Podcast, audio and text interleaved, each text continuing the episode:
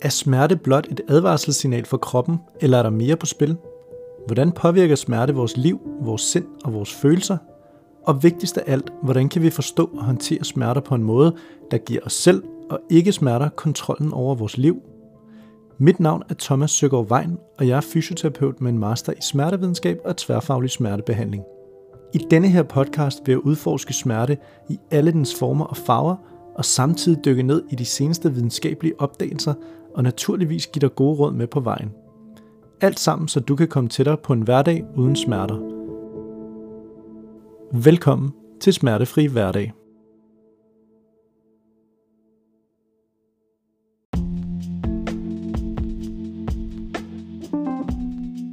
Forestil dig, at du sidder i venteværelset hos din læge og venter på at få resultaterne fra en nylig blodprøve. Din læge kommer ind med et bekymret udtryk og fortæller dig, at nogle af dine tal ser lidt høje ud og foreslår en ny behandling. Selvom du ikke oplevede nogen symptomer før denne samtale, begynder du nu pludselig at mærke små ubehag i kroppen. Måske det er bare din fantasi, eller er det virkelig det? Du har måske hørt om placeboeffekten, hvor en positiv forventning eller tro på en behandling kan føre til en målbar god effekt. Men har du også hørt om placebos onde tvilling, nocebo? I dagens afsnit vil vi udforske, hvordan vores forventninger, kommunikation og tro kan forme vores helbred og velvære på måder, vi måske ikke altid er opmærksomme på. Hvad sker der i vores sind og krop, når vi bliver præsenteret for information om behandlinger og medicin? Bliv hængende, mens jeg går på opdagelse i placebo- og nocebo-effekternes forunderlige verden i dagens episode af Smertefri Hverdag. Selvom at placebo lyder som et fagudtryk, så er der rigtig mange mennesker, der har hørt om placebo, eller som kender udtrykket. Og grunden til, at de fleste måske kender til udtrykket, det er nok også, fordi det hænger sammen med det udtryk, der hedder placebo-effekten. Og hvad placeboeffekten er, det kommer vi også ind på her en lille smule senere. Men allerførst så skal vi prøve at definere en lille smule, hvad placebo faktisk er. Når vi snakker placebo i eksempelvis en sundhedsfaglig sammenhæng, så læner placebo sig op af, at det er forventning om noget positivt vil ske. Altså noget, vi tror meget på. Det vil sige, at placebo henvender sig faktisk egentlig mere til et tankesæt eller til en forventning i vores hoved omkring noget, der vil ske. Og nocebo, som vi så også kommer ind på lidt senere, det vil så faktisk være den modsatrettede ting. Altså det vil sige, hvis vi forventer noget negativt vil ske, eller vi har negative forventninger til det, vi foretager os.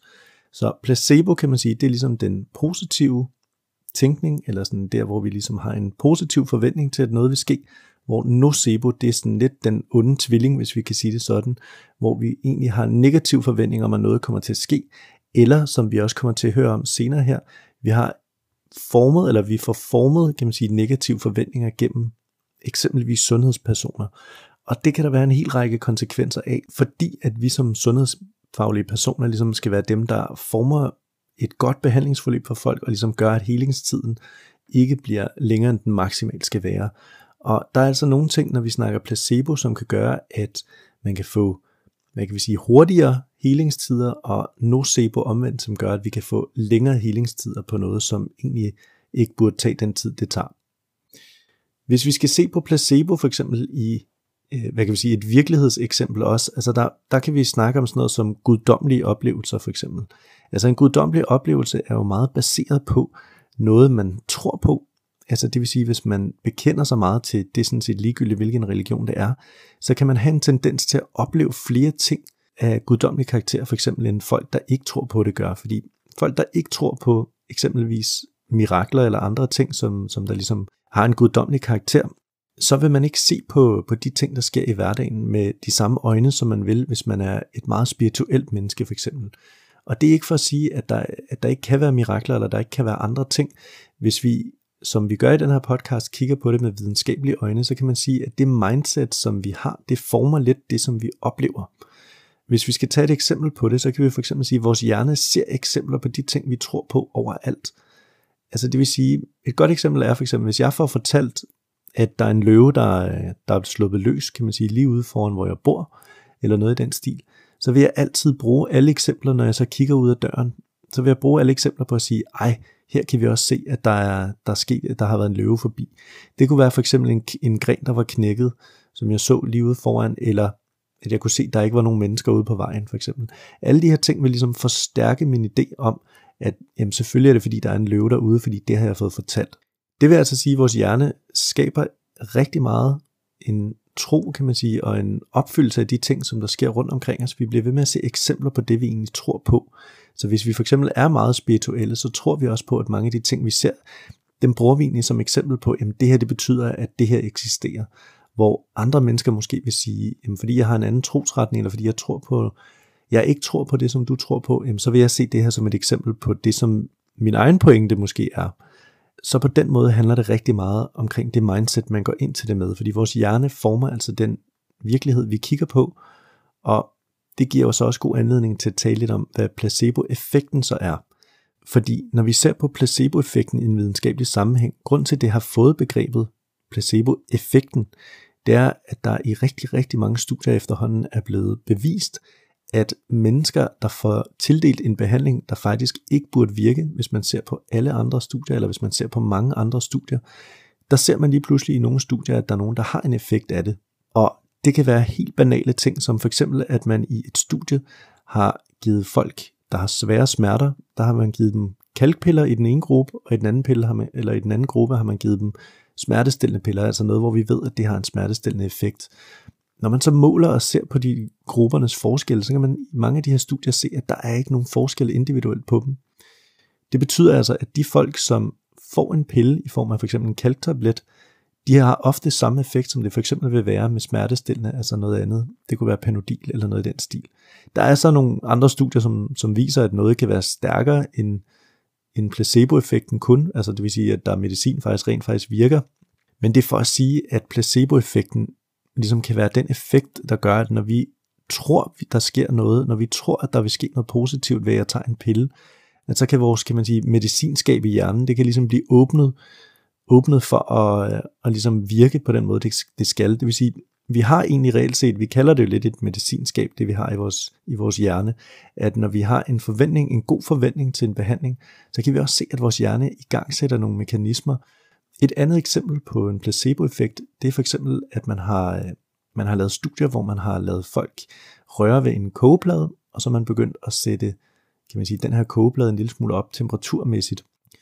Og der har man forsøgt at skelne mellem, om kogepladen bliver rød, eller om kogepladen bliver blå.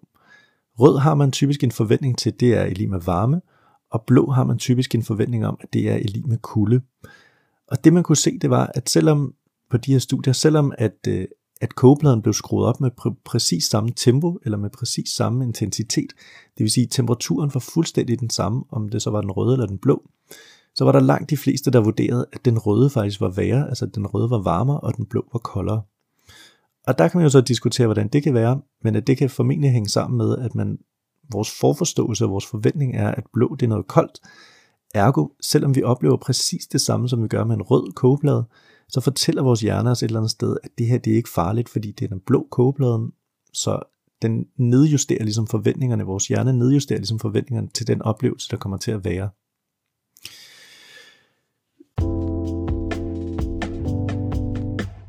Hvis vi så skal se på placeboeffekt i en sundhedsmæssig sammenhæng, jamen så kan man altså også se, at, øh, at mange af de studier, hvor man forsøger at bevise placeboeffekten, det er altså med falske operationer for eksempel, eller det man kalder scam surgeries.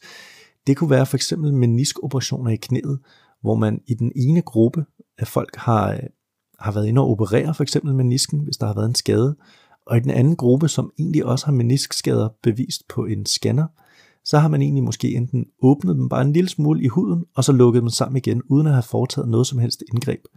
Det man så kan se i den sammenhæng, det er, at det har en lige så god effekt, som de andre har. Altså det er der i hvert fald nogle studier, som viser. Det vil sige, at den, den gruppe af folk, som fik scam surgeries, altså operationer, hvor de egentlig bare tror, de er blevet opereret, men hvor de faktisk ikke reelt er blevet opereret, de har i nogle af de her tilfælde faktisk samme effekt, som hvis man er blevet opereret. Og det er jo meget øh, voldsomt at tænke over, når det gælder operationer, fordi operationer er jo noget, man ikke kan fortryde, og operationer er jo tit sådan en, der bliver set som sidste udvej.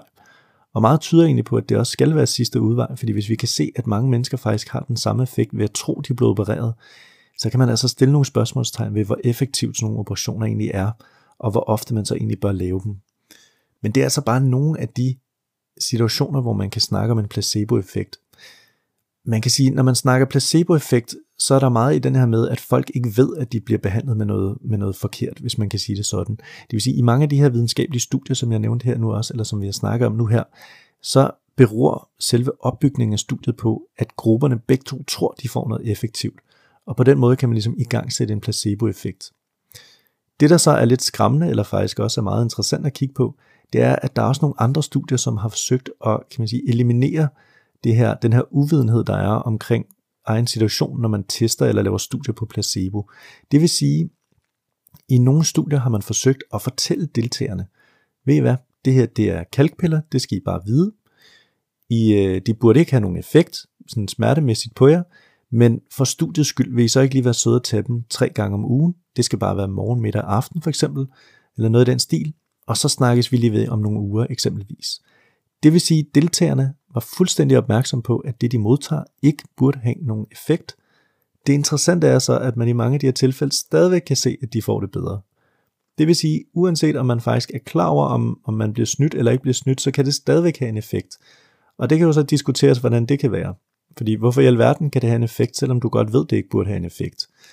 Det kan jo være mange årsager til. Det kan også være det, at der alene er blevet skabt en rutine med, at du skal tage piller tre gange om, om dagen, til, ligesom, til noget, som du har godt nok fået at vide, det ikke burde hjælpe, men at du stadigvæk har, har fat i rutinen, så man ligesom ved, at okay, når jeg står op, skal jeg gøre det her, når jeg går i seng, skal jeg tage de her piller, og på den måde kan det måske skabe en ubevidst reaktion i kroppen, hvor man ligesom tænker, okay, jamen, der må jo være et eller andet med den her, den her fremgangsmetode, siden jeg skal gøre det så præcist hver gang. Det er svært at sige hvorfor, men fælles er, at placebo, det er altså ikke dårligt, når man snakker om, at noget kun har en placeboeffekt for eksempel. Det er altså ikke noget, vi skal, vi skal se bort fra. Det er altså virkelig vigtigt, at den her effekt findes. Fordi når man har ondt eller arbejder med personer, som har smerter, så skal vi altså bruge alt, vi kan, så vi ligesom kan få hjernens eget medicinskab til at få det bedre. Der er altså også mange ting, der tyder på, at når vi oplever smerter, så, så vores krop, eller i nogle tilfælde hos folk med kroniske smerter, der kan vores nervesystem være dårligere til at hæmme signaler, kan man sige. Det har vi snakket om i et tidligere afsnit. Vores hjerne kan ligesom sende nogle modsignaler ned, når vi får nogle signaler op gennem vores perifære nervesystem. Altså når vi ligesom får en skade, så kan vores, vores hjerne ligesom slå nogle af de her signaler ned, som den får op, og på den måde ligesom hæmme nogle af de signaler, som, som den så skal modtage senere. Der er så meget, der tyder på, at når man har kroniske smerter for eksempel, eller har haft det i lang tid, så vores hjernes evne til at og hvad kan vi sige, dæmpe signaler, den er ikke lige så god, som, som den er hos folk, der ikke normalt har smerter. Og der kan vi altså snakke om, at placebo vil være en rigtig god ting, fordi jo flere mekanismer vi kan i gang sætte på hjerneplan også, altså hvis man kan sige det på den måde, hvor vi ligesom kan styrke kroppen og hjernens eget medicinskab, det vil vi altså være rigtig, rigtig glade for. Og, og kan man sige, i sidste ende, så det vigtigste er sådan set bare, at man får det bedre. Så om det er på den ene, anden, tredje eller fjerde måde, det gør sådan set ikke noget. Og der kan man sige, der er placebo relativt harmløst. Der er ikke noget, det går ud over. Der er ikke, det er ikke fordi, at man, man bliver stukket med et eller andet eller andre ting. Det er sådan set bare en tro på, at det gode nok skal, skal fungere, og at det, du fortæller lige nu, faktisk er positivt for dig selv. Når vi så snakker nocebo-effekt, så er det altså over i den modsatte boldgade.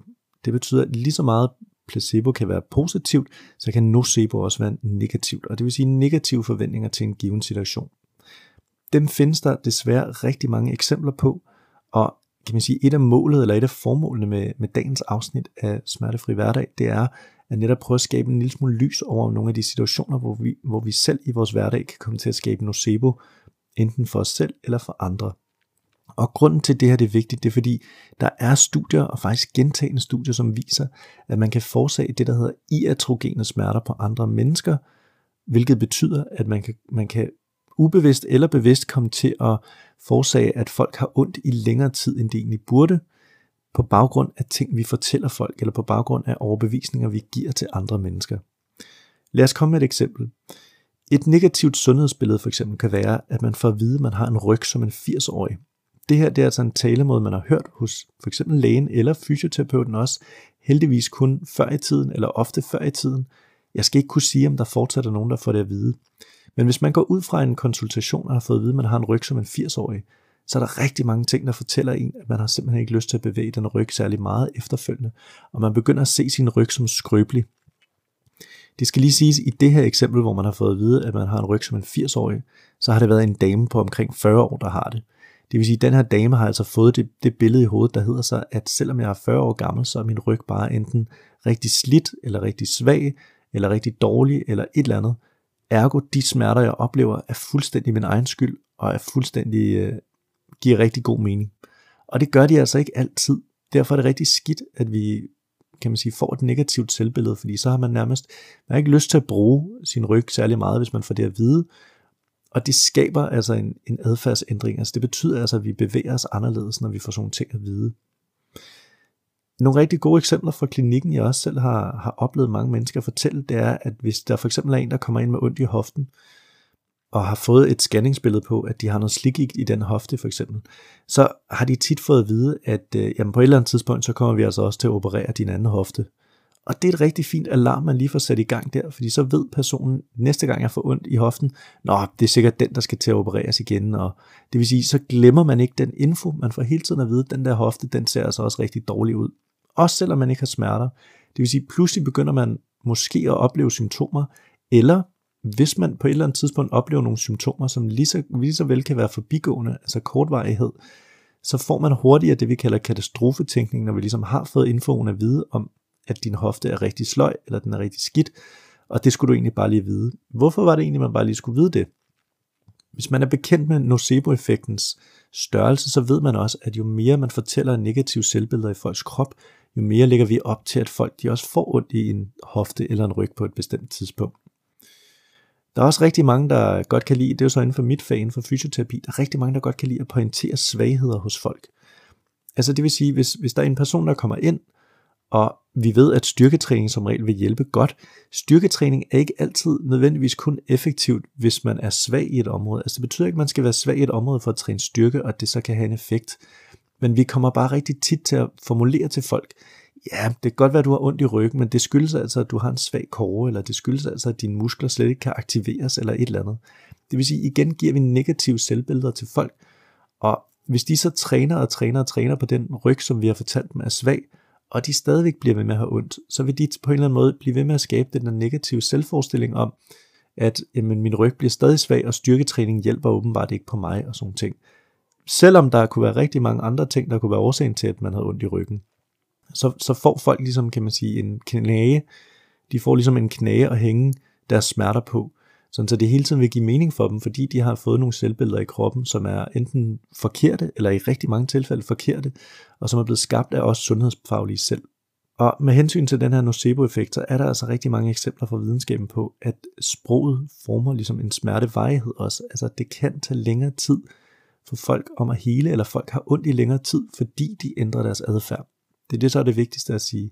Det er, hvis jeg er vant til at gå ture, og jeg ikke ved, hvad der sker i min ryg, for eksempel, jeg ikke har fået noget negativt at vide om den, så bliver jeg ved med at gå, indtil jeg mærker smerter, og så går jeg hjem igen, for eksempel. Hvis jeg ikke er sundhedsfaglig person, og ikke ved noget om smerter, og jeg får at vide, at du har en ryg som en 80-årig, så vil jeg stoppe med at løbe, jeg vil stoppe med at klatre, jeg vil stoppe med at gøre rigtig mange andre ting, fordi det må ligesom være årsagen til, at jeg har fået en rigtig dårlig ryg, eller det må ligesom være årsagen til, at min ryg er blevet så slidt, som den er, for eksempel. Og det er jo så først der, vi rigtig begynder at skabe grobund for længerevarende smerter, når vi stopper med at være aktive, når vi stopper med at gøre de ting. Så igen, ord og overbevisninger skaber vores, hvad kan vi sige, vores virkelighed, og på den måde så vil vi også hele tiden forsøge at gøre det så godt, som vi kan i vores ryg, og jo mere bange vi bliver for den, jo mindre vil vi selvfølgelig bruge den. Det har jeg desværre også mødt nogle sundhedsfaglige, som i ond tro har, har gjort desværre, altså det her med at, at sprede nocebo. Altså det vil sige for eksempel, hvis man tager til en behandlertype, nu kommer jeg ikke til at nævne om at sige en bestemt faggruppe, men hvis man tager til en behandler, som siger, at øh, ja, den er helt galt med en ryg, du skal nok have en 7-8 behandlinger, før vi kan fikse det op. Hvis man så får otte behandlinger, og det stadigvæk ikke er fikset, så har man en, en, måske en tendens til at sige, åh, så, det må, så må det være meget slemmere, end jeg egentlig troede, eller så må det være helt galt, eller så må det være et eller andet helt forfærdeligt. Plus den her person, der har sagt, at man ligesom skal have otte behandlinger, har tjent på otte behandlinger til dig. Det vil sige, man kan som sundhedsfaglig person nemt tjene penge på folks elendighed, hvis man kan sige det sådan. Hvis man egentlig bare kan overbevise folk om, at det er så super vigtigt, fordi du har en rigtig svag ryg, og det er kun mig, der kan løse den for dig. Det vil sige, at man fjerner rigtig meget selvbestemmelse også, rigtig meget selvhjælp fra folk, ved ligesom at sprede nogle, kan man sige, nogle forkerte overbevisninger eller noget, fordi så, så ser vi igen vores krop som svag, og så skal der være nogen, der kan hjælpe mig, siden jeg ikke selv kan hjælpe mig selv. Og det gør bare, at så tjener kan man sige, de sundhedsfaglige flere penge, og igen, det er ikke fordi, det er et problem, at sundhedsfaglige tjener penge. Det skal bare, blive tjent, det skal bare gøres hvad kan vi sige, ud fra den rigtige måde. Det skal være ud fra, at man får den rigtige hjælp. Det skal ikke være, fordi man holder på personer, som egentlig ikke har brug for ens hjælp, eller som egentlig måske bare havde brug for at blive talt lidt til ro og ligesom sige, ved du hvad, det er okay, du har ondt i ryggen nu. Det er der mange mennesker, der har, det går som regel over inden for 3-4 uger for eksempel, eller hvad man lige vurderer. Så man ligesom hele tiden kan hjælpe folk til at tage det stille og roligt, så vi igen kan åbne det her medicinkammer, som vi har i hjernen, og ikke lukke det til, vi ligesom at gøre folk bange for deres egen krop, og ligesom give dem nogle negative selvbilleder. De tre gode råd til dagens afsnit handler om, hvordan man undgår nocebo i sin hverdag. Det her det er egentlig mest lagt op til at skal være noget til dig, som kan man sige, ikke er fagperson, men som lytter med, som enten har smerter. Der er også information, som ligesom kan være godt for fagpersoner at høre, så det er ikke fordi, det er skræddersyet fuldstændigt til den ene eller den anden persontype.